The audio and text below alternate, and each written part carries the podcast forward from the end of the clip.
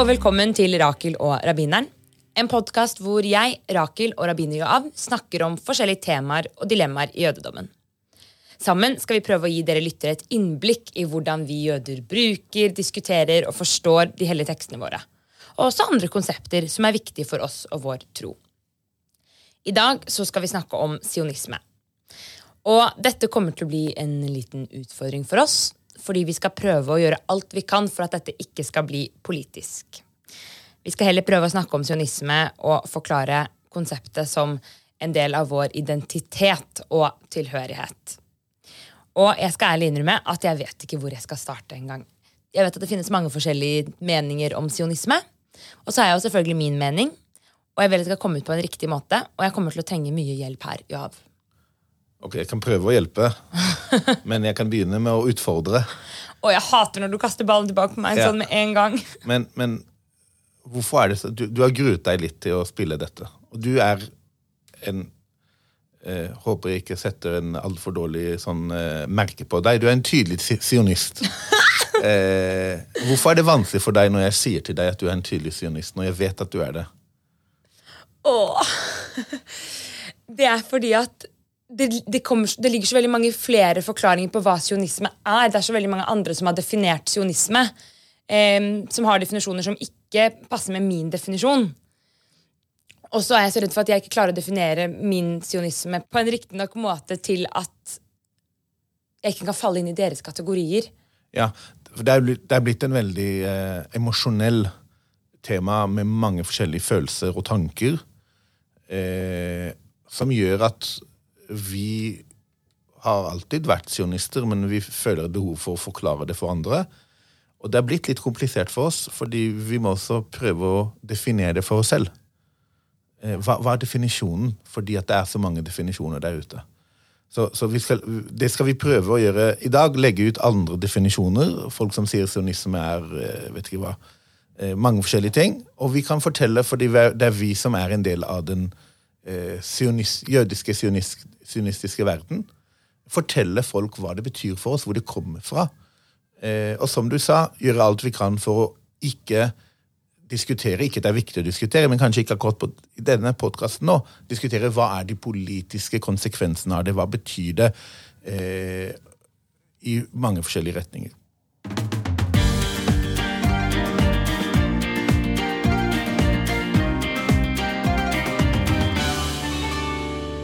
Generelt når man snakker om begrepet sionisme, så kommer ordet fra ordet Sion, som er en av navnene av eh, Jerusalem eller Israel, som har blitt en, et ord for den jødiske eh, eh, tilknytning til Det hellige land. Den, den jødiske drømmen om å kunne eh, fritt bo i Det hellige land igjen, som man har blitt fratatt, som man har blitt sendt i eksil fra. Så hele denne ønsken om å vende tilbake, eh, ønsken om å kunne eh, være jøder i det hellige landet igjen, det er sionisme. Og så har det så veldig mange forskjellige måter å forstå det på. Vi, vi kan kanskje prøve å fortelle to typer sionistiske fortellinger som eksisterer innenfor den jødiske sionistiske verden. Ok. En vil være veldig knyttet til et fellesskap, til en historie. Og den andre vil være mye mer knyttet til en religion. Og begge to lever i den sionistiske bevegelsen. Noen ganger så skaper det mots, motstand mellom forskjellige sionister, hvis man kan kalle det sånn. La oss ta den, den eh, eh, historiske Som handler mer om fellesskapet. Fellesskapets historie og tilhørighet. Ja. Jøder, hvor kommer de fra? Hvor kommer hvor kommer fra. jøder fra? Hele historien vår vil jeg jo si sånn som en monoteistisk religion starter med Abraham, som var i Kanan, som Ja. da var Israel. Eller det samme landområdet, da. Det er et Ja. annet navn. Abraham flyttet til Kanan, eh, eller til Israel. Så han er ikke født der. Han Nei. flyttet dit, og der begynner en sånn mer jeg kan kalle det religiøs fortelling Ja. om hva betydningen av Abraham som flyttet til eh, et land som Gud skal vise ham, og der skal eh, eh, hans etterkommere eh, bli til et folk som tjener Gud, osv. Men da er vi over i det religiøse. Ok. Vil du før eller etter? hvis du vil gå til historiker, så vil han si Abraham. Det er et myte. Det er ikke noe bevis på at Abraham eksisterte. Vi har ikke historiske bevis på det. Hæ, hva mener du? Jeg har ikke sagt at han ikke gjorde det, jeg bare sier at det er ikke noe historisk bevis på det. Ok. Eh, så så det, jøder er folk som kommer fra Hjelp meg. Men Hvor kommer jøder fra? De kommer fra Israel? Ja, for De heter jøder fordi de kommer fra Judea. Oh, ja. Det begynte når jøder ble sendt i eksil til Babylon. Og så blir de kalt jøder. Ikke sant? Du Her var det da vi fikk ordet Ja, for før det var vi jo israelitter. Eller det Før helt var man israelitter, helt riktig. Og så ble Israel delt mellom Israel og Judea. Og, og Israel ble sendt i eksil først. Og så var det de som bodde i området som Judea, etterkalt etter eh, Jehuda, en av sønnene til eh, Jakob, til Israel. Eh, og de som kom derfra, ble kalt jøder. Du kjenner begrepet Mordechai Hayudi. Ja. Jøden Mordechai, sier vi i dag. Det betyr at han var i Persia, og de kalte ham Mordechai, som kommer fra Judea. Så han er judeisk. Så, så hele begrepet jøder kommer fra en forståelse for tilhørighet. De kommer fra et sted. Og ikke bare kommer fra et sted. Mordechai, som bodde da i Persia, var en del av et fellesskap som da mange av dem vendte tilbake til Israel, eller til Judea, eh, når andre templer ble bygget. Eh, Ok, Så det startet for over 2000 år siden, da babylonerne sendte jødene ut av eksil, altså i eksil ut fra Israel. Eller Judea, som det da het. eller kanskje før det, når man kalte folkene som bodde i Judea, jød, jøder. ikke okay, sant? Ja.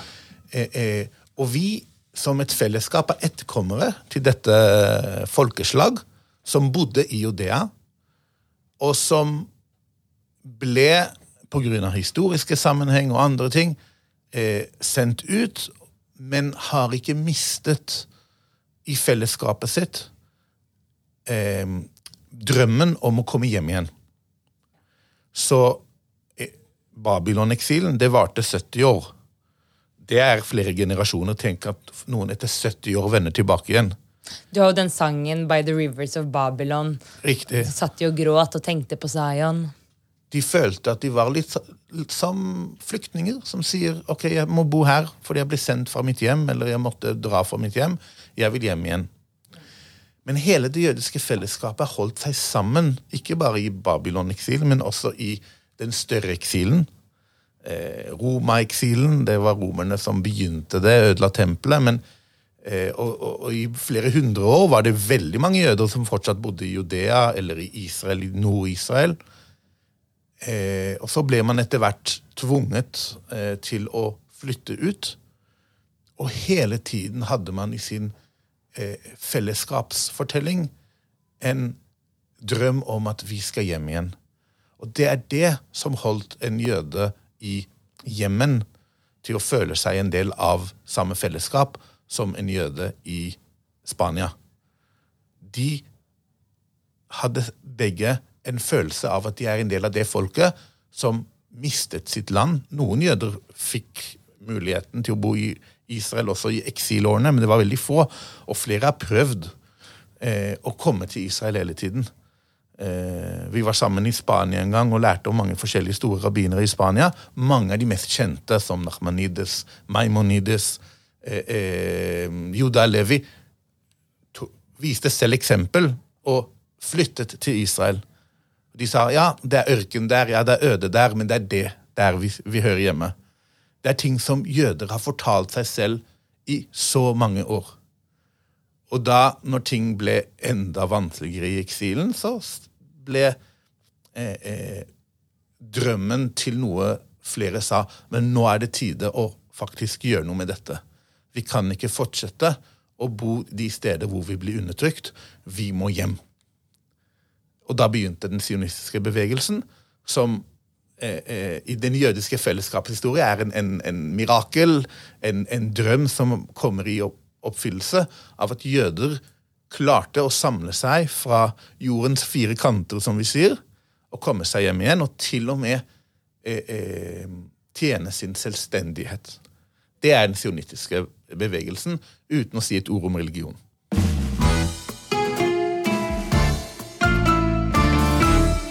Det var jo da den historiske. Og det, det er jeg kjent med. Vi har jo vokst opp med å lese historiene fra Toran. Jeg pleier noen ganger å tulle med at Toran er på en måte nesten sånn reisen til Israel. Fordi det er det det handler om. Um, så mye av religionen vår og praksisen er jo integrert inn i det, eller historien.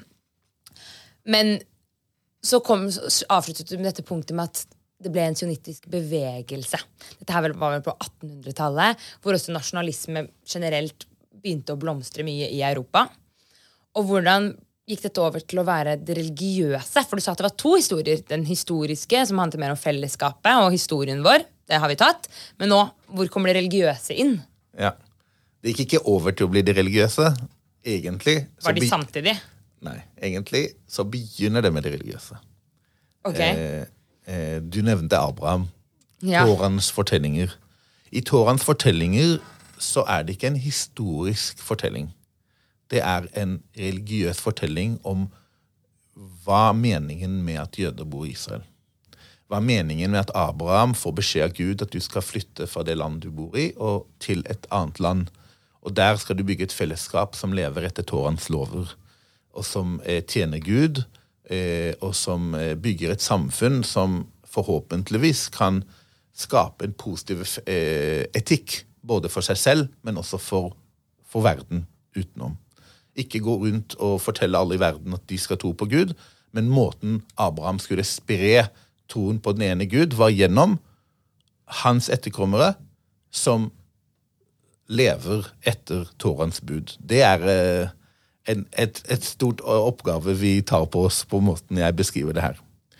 Eh, og det ser vi også i flere tekster eh, fra Toran etterpå. Dette med at jøder skal bli kastet ut av Israel og komme tilbake igjen. Det står allerede i Toraen før israelittene, når de eh, reiser til Israel fra Egypt, så sier allerede eh, Toraens ord, eh, Moses, at hvis dere ikke følger loven, hvis dere ikke handler etisk overfor hverandre, overfor Gud, overfor den fremmede, da vil dere miste grep på landet. Landet vil kaste dere ut igjen. Så forteller det videre hvor forferdelig det blir i eksil, men at til slutt så vil du vende tilbake igjen. Så i det religiøse i Toraen så har man en, en fortelling om en veldig interessant, komplisert tilknytning mellom et folk og et land eh, som ikke bare er der for at ja, men det er der de hører hjemme, men egentlig sier nei, mennesker hører hjemme hos Gud, landet eies av Gud. Gud gir dere det landet for at dere skal følge noen lover, for at det skal skape noe. Eh, og derfor er eh, hos religiøse jøder, med religiøse jøder, er tilknytning til landet veldig mye basert på noe som er en religiøs tilknytning. Eh, derfor har mange i eksilårene sagt at vi vender ikke tilbake til Israel før vi får et tegn fra Gud, før Messias kommer. Eh, og det var veldig vanskelig for mange religiøse. Vi snakket om den sionistiske bevegelsen, som var hovedsakelig sekulær og ikke religiøs. Ja. Og Derfor var det veldig mange religiøse jøder, det er til og med noen i dag, eh, som sa, seg imot ikke sionismen, men mot den sionistiske bevegelsen. Fordi de sa det kan ikke være at folk som ikke holder shabbat, skal være de som vender jødene tilbake igjen. Hele ideen er at man skal komme til Israel for å, for å leve etter Tårens bud. Og dette er et eh, Noen sa til og med en, en eh, det er en, en opprør mot Gud å si at jøder skal kunne flytte tilbake til landet Israel før Messias har kommet, før det uten de religiøse aspektene i dette. Eh, og disse tingene kan motsi hverandre, men også stå sammen med hverandre. og Det er derfor du kjenner veldig godt at alle de, de religiøse tekstene Hver gang vi ber stillebønn, vi ber ikke bare om Gud og oss og, og, og vitenskap og andre ting. Veldig sterkt i bønnen så har vi også 'venn oss tilbake til Israel. Gjenoppbygge Jerusalem. Det har vi når vi ber for maten. Det har vi hver eneste feiring vi har.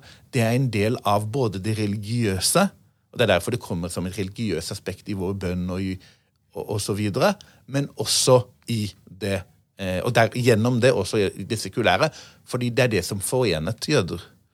Eh, Troen på Gud, troen på Toraen, men også troen på at vi skal samle oss igjen fra jordens fire kanter i Israel igjen.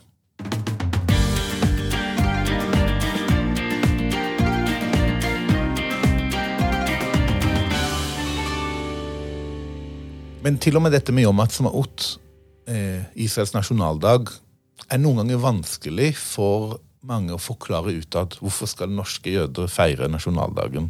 Hvorfor skal norske jøder, etter de ber for kongen i, hver sabbat i synagogen, be for staten i Israel? Og Da beveger vi oss litt over til hvor vanskelig det er for oss å forklare denne fortellingen utad. Enten fordi vi ikke har tenkt på det tydelig nok, jeg tror vi har snakket om det mye internt, men også fordi at det er så stor gap mellom måten vi opplever sionisme, og måten mange rundt oss eh, ryktet sionismen har fått på seg.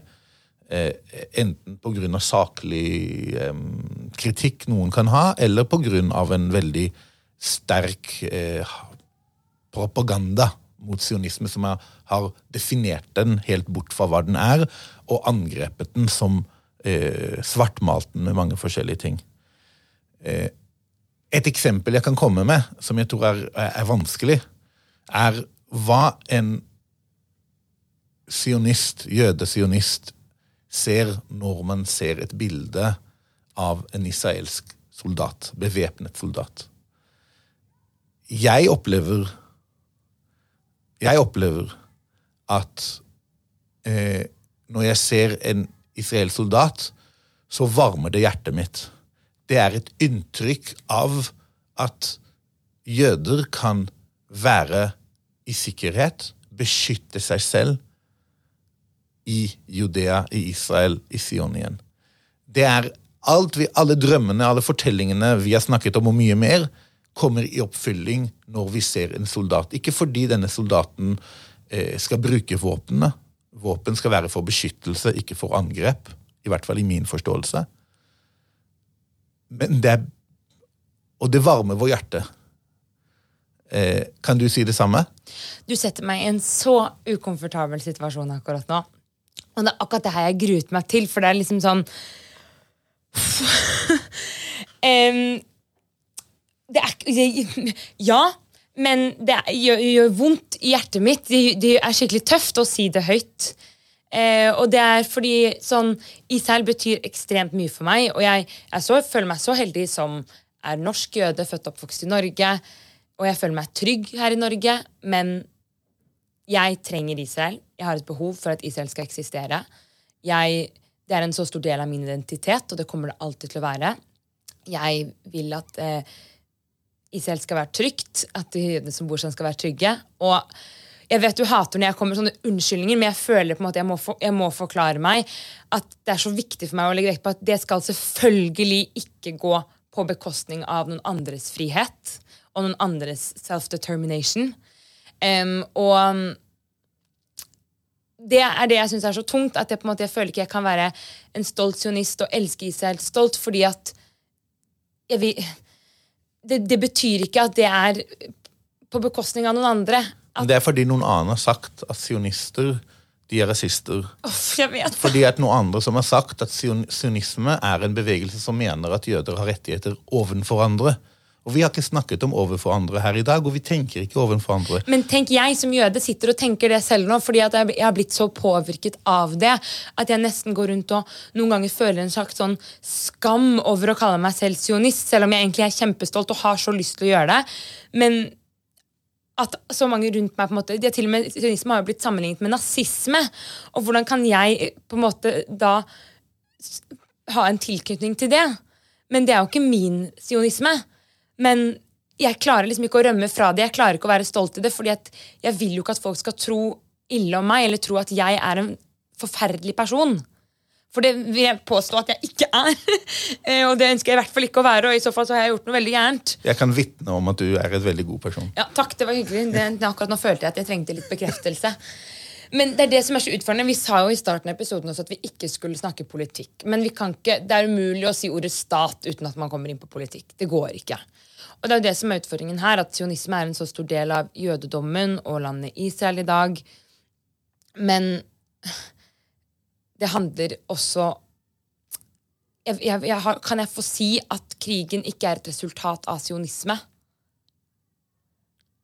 Eh, sånn, eh, akademisk sett så tror jeg ikke det funker, fordi at sionismen eh, Krigen er når det er motsigende rettigheter, og en av dem er sionismen. Og det ja, men det er jo krig. mange sionister som ikke er enig i krigen. Eller, altså, det finnes jo, Sionisme det dekker det hele politiske spekteret. Liberale, moderate, de apolitiske. Det har ingenting med det å gjøre. Problemet er at ting blir svartmalt. Det er det som er problemet. Problemet sier at du føler at hvis du skal si at du er sionist, eller enda verre at du det varmer ditt hjerte å se en israelsk soldat. Ja, Du dro den litt der. altså Jeg skjønner på en måte at jeg, jeg er enig, jeg kan forstå hvor du kommer ifra, men det at du sier det høyt altså tenk, Det her er en podkast, folk hører det. og Du, altså sånn, Folk kan tro da at vi på en måte støtter krig ved at vi sier noe sånt. Vi, vi støtter Israels rett til å beskytte seg. Og så er spørsmålet er den krigen riktig, er den urettferdig.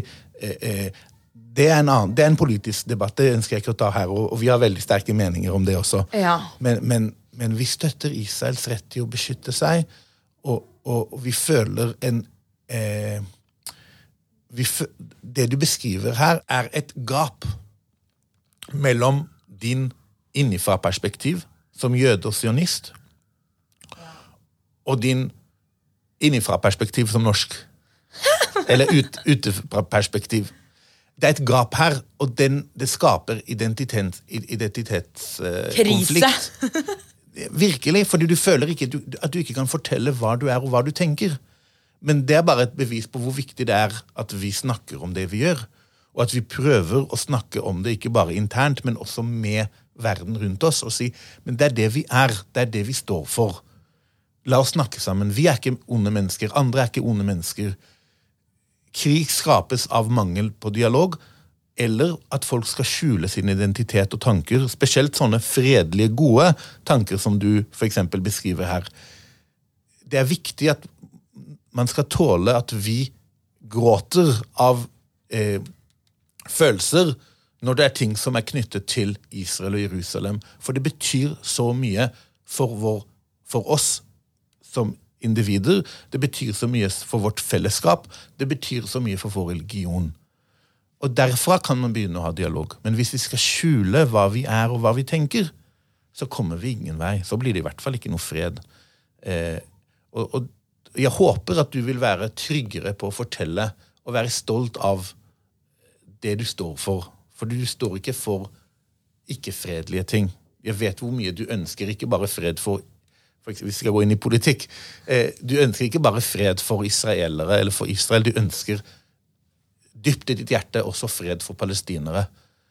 Og når du sier ordet sionist, eller at jeg skal si det igjen, det du ikke liker, at du har positive, varme følelser over bevæpnede israelske soldater som beskytter, hele, det, som beskytter Israel, så betyr det ikke det andre forstår at det betyr. At du hater noen, at du vil undertrykke noen, at du vil drepe noen. Det betyr ikke det.